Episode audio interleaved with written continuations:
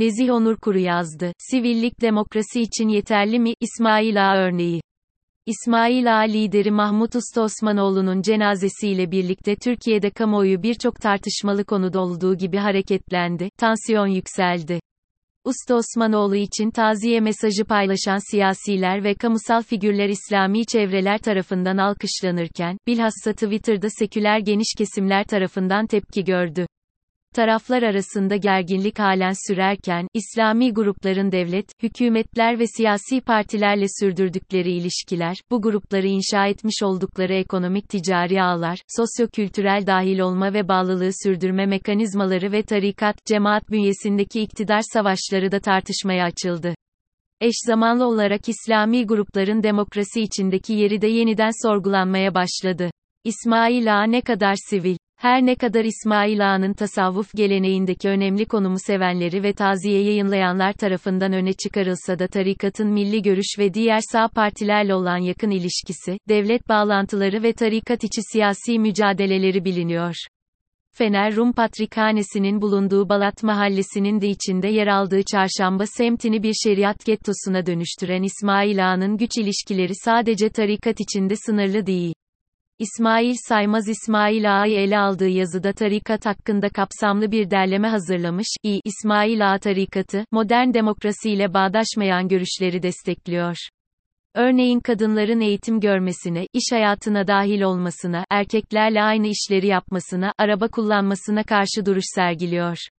İsmail Saymaz'ın ifadesiyle İskenderpaşa ve Erenköy tarikatları ile İstanbul Nakşibendiliğinin üç büyük kolundan biri olan İsmail Ağa, dindar yoksulların inanç sığınağını ve itirazını temsil ediyor.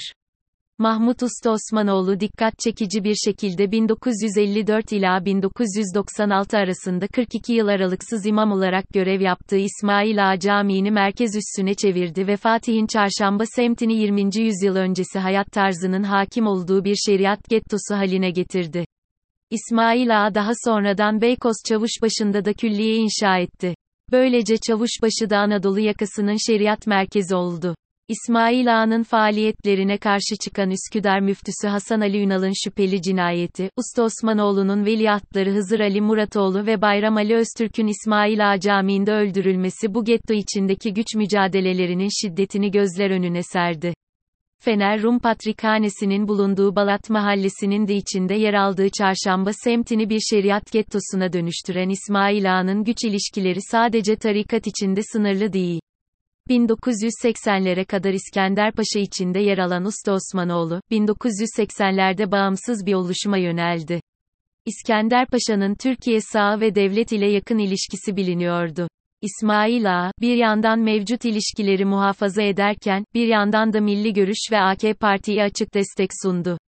Erdoğan ve Gül Cumhurbaşkanı sıfatıyla İsmail Ağa'yı ziyaret etti. İskender Paşa ve İsmail Ağa mensubiyeti bulunan kişilerin gruplar halinde sağ partilerde ve bürokraside hızla üst sıralara tırmandıkları da biliniyor.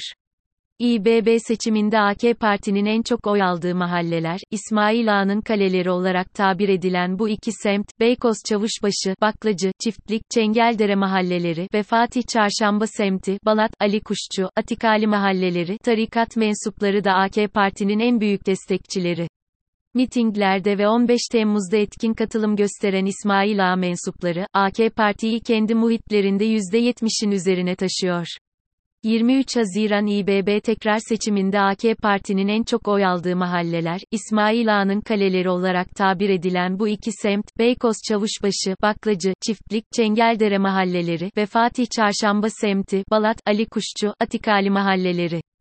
Tablo, 2019 İBB tekrar seçimi, Binali Yıldırım'ın en çok oy aldığı mahalleler sonuç toparlayacak olursak, dini faaliyetler ve tasavvuf geleneğindeki yeriyle öne çıkarılan İsmail Ağa'nın, bir yandan laik, seküler hukuk devleti, eşit vatandaşlık ve demokrasi kavramlarıyla temelden çelişen bir şekilde cinsiyet eşitliği ve modernit karşıtı bir pozisyonda konumlanırken, diğer yandan da siyasi bürokratik ilişkileri üzerinden kontrolsüz politik ve ekonomik güç devşirdiğini gözlemliyoruz. Nokta. Buna göre İsmail Ağa ne insan hakları ve cinsiyet eşitliği gibi ortak asgari demokratik değerlere uyma yükümlülüğünü yerine getiren bir aktör ne de şeffaf ve denetlenebilir bir oluşum.